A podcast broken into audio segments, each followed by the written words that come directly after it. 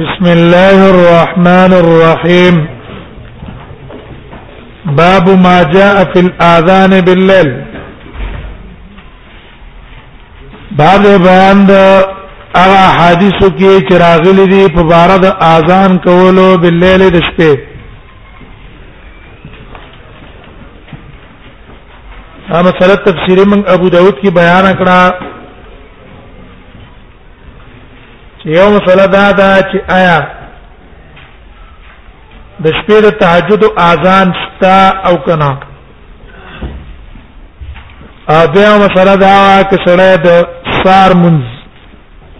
د پاره د وخت نمخ کې اذان وکي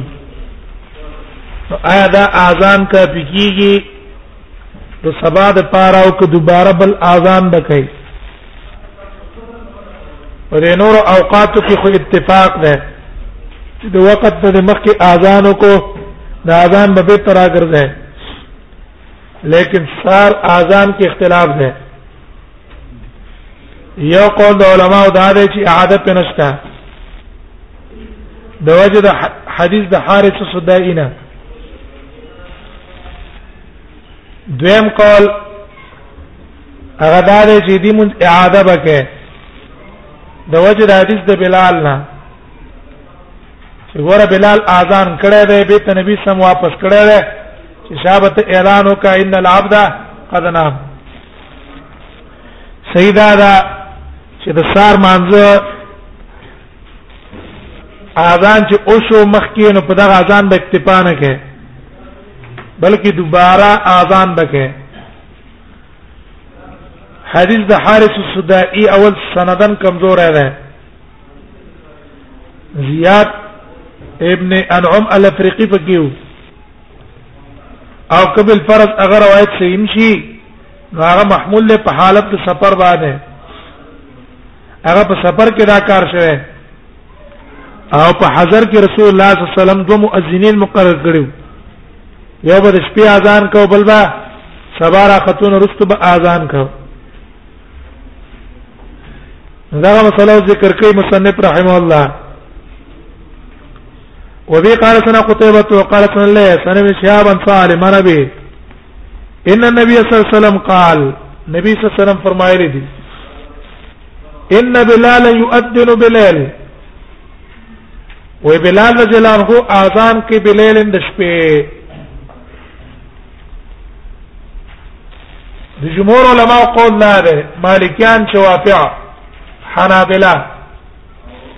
دی وی چې د شپې اذان سنت ده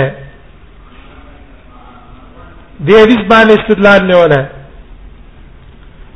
حدیث د عبد الله ابن عمر باندې استدلال نه ولا ما كانت الاذان على رسول الله صلی الله علیه وسلم الا بالليل شپې اذان کېدو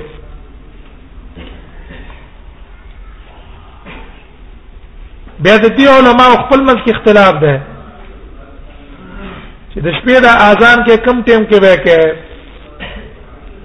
سو کوی د نسبت اخیر نه بیرستو کې سو کوی د ماقصن نه رستو چار ټیم کې دی وکړو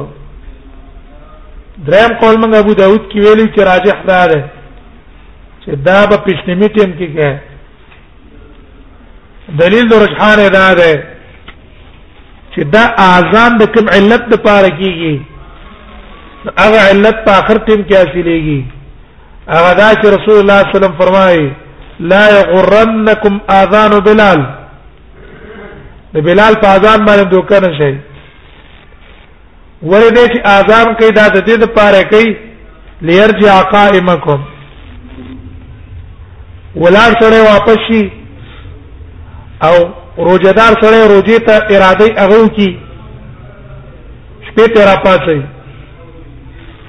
دا غیر معلوم شي دا علت اصل کې دقه ده او دا په اخر ټیم کې او دیم روایت ته چې د اذان د عبد الله ابن ابن مکتوم او د بلال په منځ کې دونه فرق وو چې ينزل هذا ويرتقي هذا ویری برا کوشو دابل به وختو دا غیر معلوم شي په اخر ټیم کې په کار ده هغه امام ونی فرحم الله مذهب دا ده چې د شپې اذان سنت نه ده بلکې د سبا را ختونه برستو اذان کوي هغه په لاندې روایت استدلال نه ولای چې بلال ته نبی صلی الله علیه وسلم ویلو چې تاسو څوک ورشه علی ان العبد قد نام راغینا معلوم شو چې اذان نشته اولنی قول والا دا حدیث ته جواب کړه دا حدیث اول ضعیف ده او که صحیح شي بیا دا په هغه صورت محمول دی چې رسول الله صلی الله علیه وسلم د مؤذن لا مقرر کړي نو لکه حدیث د باب نه معلومیږي به ورا لا يؤذن وی لا يؤذن بلال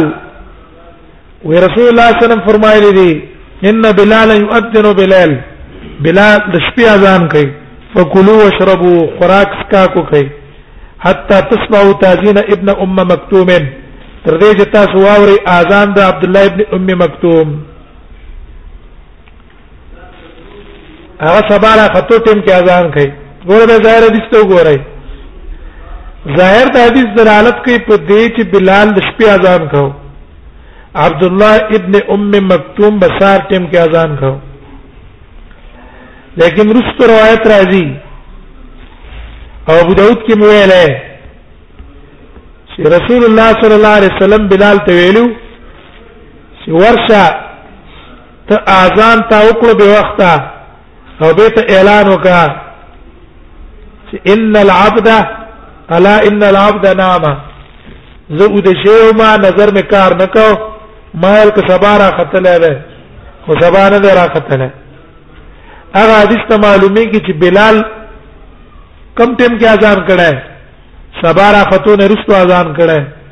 ورکه د سبا را خاتون مخکې اذان شي به ته د لګلو څه معنا ده اصل د شپې اذان کو کنه د شپې چې اذان کو بس شپې اذان کړه ده نه لا ان لا ته دا څه معنا ده نو ابو داود کې موږ تطبیق ته اشاره کړو چې ګورا د ټیمو یو دا په هغه ټیم کې دی چې دویم اذان مقرر شوی نه و ان العبد قد نام وعلا بیا وروسته دوه مؤذنین مقرر شو عبد الله مکتوم سار تکو دا بل مقام تکو هم به دی روایت دا سبا نه مخکې کو هم باز روایتونو کې دي دي باز روایتونو کې چې بلال د شپې اذان کوي باز روایتونو کې عکس ته باز روایتونو کې څه ده عکس ته نو دا روایتونه من کې تطبیق نه لري چې بلال اول سار کې اذان کو بیا رستو بلال نبی سلام بدل کو تاجود ہوتا عبد الله مکتوم اس کو سار پر بدل کو قال ابو اسحاق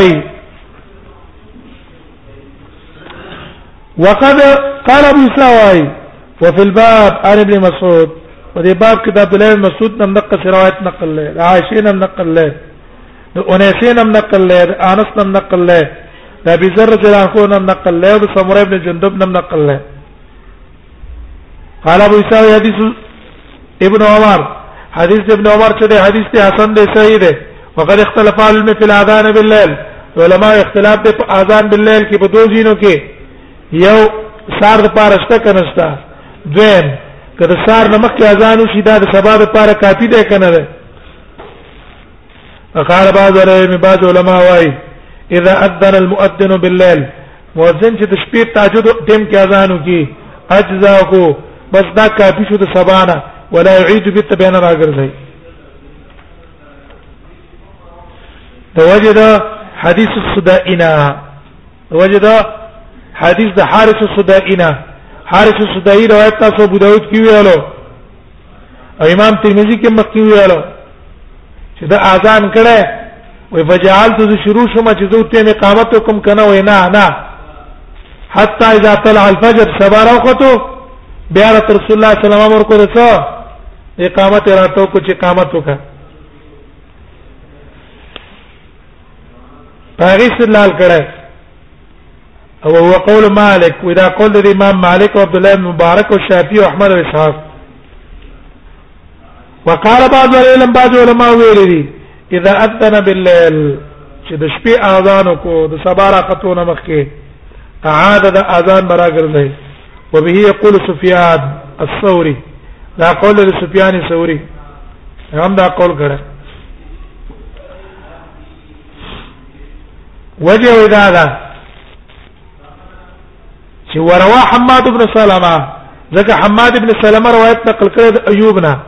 النافع بن نافع عن ابن عمر ان بلالا اذن بالليل بلال چې بلال اذان کو د شپې فامره النبي صلی الله عليه وسلم ان ينادي نبی صلی الله علیه وسلم ته حکم کو چې بیت आवाज وکا ان العبد نامه بنده باندې خوب غلبه راغلی و سترګې پټې شوې وې به دې روایت باندې اعتراض چې دا روایت اصل کې منقطع دی لکه دا ته اشاره کوي قال ابو سوي هذا حديث غير محفوظ دا حدیث محفوظ نه ده حماد خطا شوی دی حماد ابن سلمہ خطا شوی دی پر پاکه دا اصل کې قول دی د عمر چاته قول ده عمر خپل مؤذن ته لیکن حماد خطا شوی دی او دا حدیث مرفوع کړی دی رسول الله صلی الله علیه وسلم ته یحیی ابن معین امام بخاری امام احمد د ټول دا قول کړی امام ابو داود هم دغه څه قول کړی امام ترمذی مو دا حدیث محفوظ نه دی والصحيح ويسيب كذا ده جماع رواه عبد الله بن عمر وغيره والنافع عن ابن عمر ان النبي صلى الله عليه وسلم قال نبی صلی الله علیه وسلم ان بلال یوزن بلال چې بلال اذان د شپې کوي فکلوا واشربوا حتى يؤذن ابن مکتوم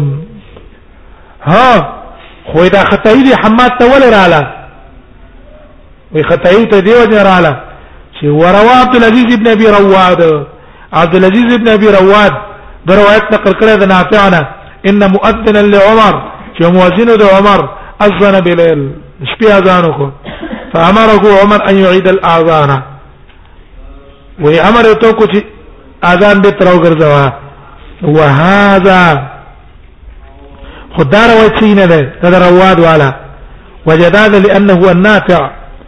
نافع روایت د عمر نه نقل کړه او روایت نه نافع د عمر نه منقطع ده خدای ولعل حماد بن سلمہ کې دې شي حماد بن سلمہ به اراده د دې حدیث وا اے روایت د چا نقل کو روایت د دې امر د عمر مؤذن تاغه نقل کو چې خطا شو عمر کوی کو چاته رسول الله صلی الله علیه وسلم لیکن ابو داود کې موږ د ابن حجر قول نقل کړو کنه چې حماد ابن سلمہ خطا نه ده د حماد ابن سلمہ څخه څوک شته مؤیدین ولستا هغه مؤیدین منګه ذکر کړو حافظ ابن حجر راوړي چې دا غنم دا نقل له دام دې دام دې دام دې او بهم التویل چې ټیک شو عمر نم دې نقلی هغه خپل موازن ته امر کړی او د رسول الله صلی الله علیه وسلم نه دې نقلی او پاتې شو ان بلال یؤذن بلال دا غسرم تعارض نشته تنشتا تعارض نشته ولې تطبیق موږ کو کنه چې دا په هغه ټیم کې چې کلا د مؤذن نبی صلی الله علیه وسلم نو مقرر کړه کله چې رسول الله صلی الله علیه وسلم دوه مؤذنین مقرر کړ یو سار سباره خاتون رستو مقرر کو او یو د سبانه مخکې مقرر کړو په هغه ټیم کې بیا رسول الله صلی الله علیه وسلم چې ګوره اوس بلال شپې اذان کوي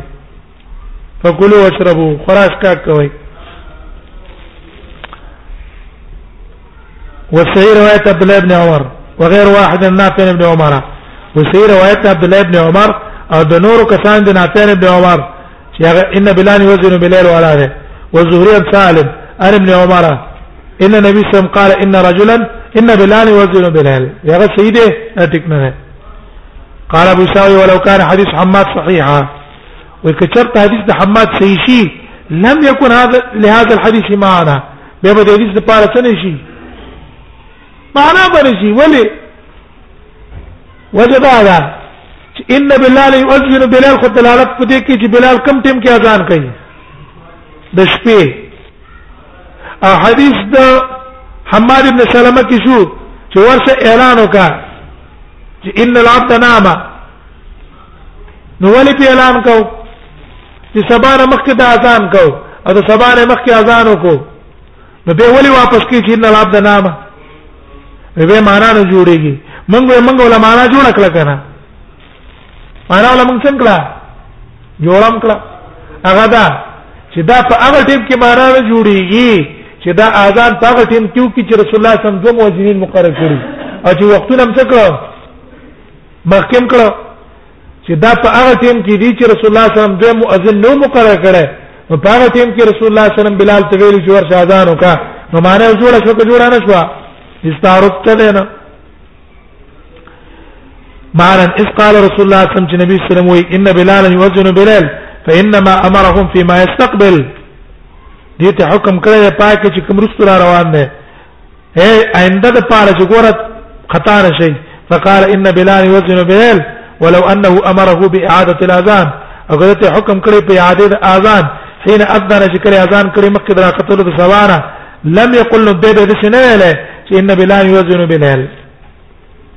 دیو جن علی بن المديني وايي حديث د حماد بن سلمان ايوب النافع عن ابن عمر عن النبي صلى الله عليه وسلم هو غير محفوظ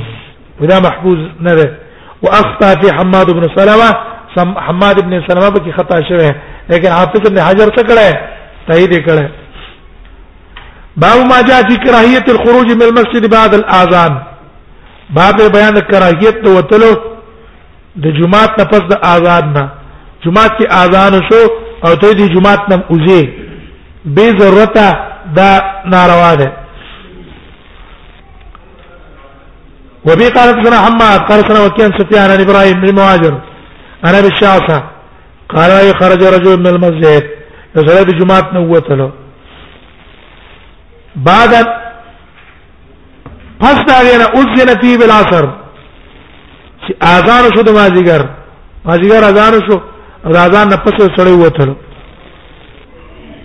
فقال ابو هريره اما هذا فقد اصاب القاسم صلى الله عليه وسلم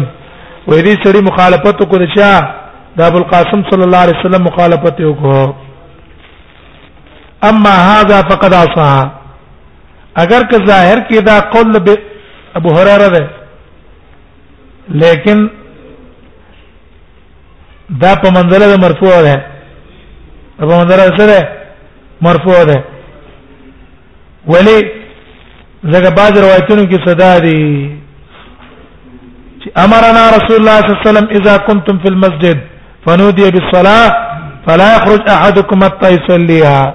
مسند احمد دا روایت راوړل اسناد بالکل صحیح ده غره دا غنه معلوم شو چې رسول الله صلی الله علیه وسلم دا امر کړی دی نو ځکه ویل چې فقط اصحاب القاسم صلی الله علیه وسلم به ظاهر د حدیث محمول له په دې چې بالکل بنوځي جمعات نه او د جمعات نه قوته له مجرمه لیکن علماو دا محمول کړه ده په حالت غیر عذر ستا عذر نه استاله وتل جایز نه دی او که د عذر په بنا وځي او دس کې او دس ته نه او دس کې یوزي او کار پسې به ته واپس راځي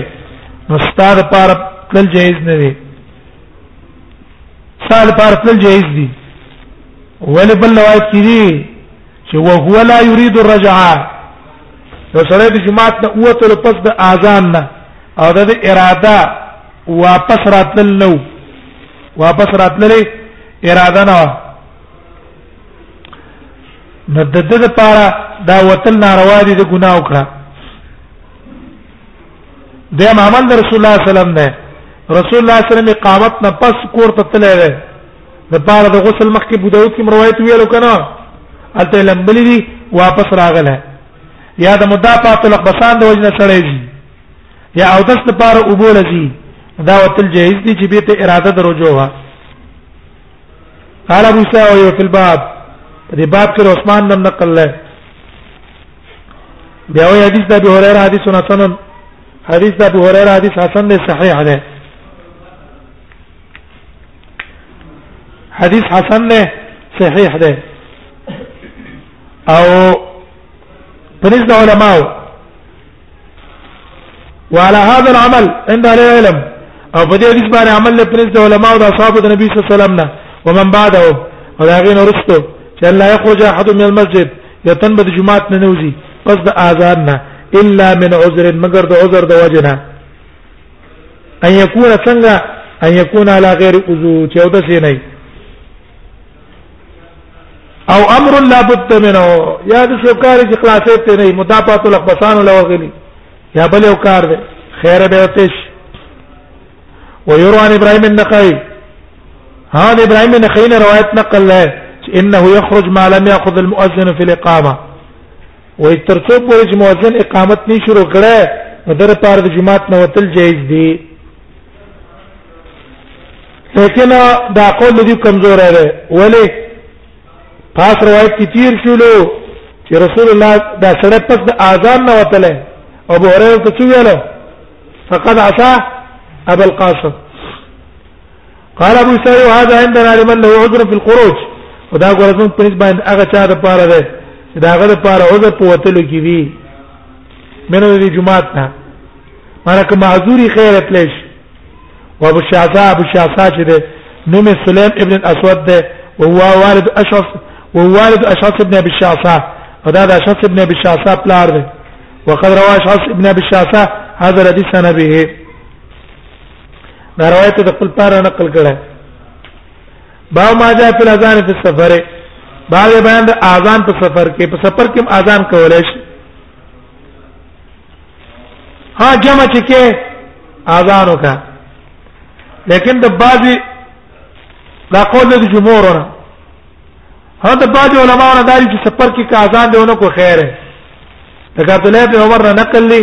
وې ته به ویل چې اذان د هغه چا د پاره چې څوک امامي او چې څوک مسافر دي هغه په اذان نشته سره په قامت بکې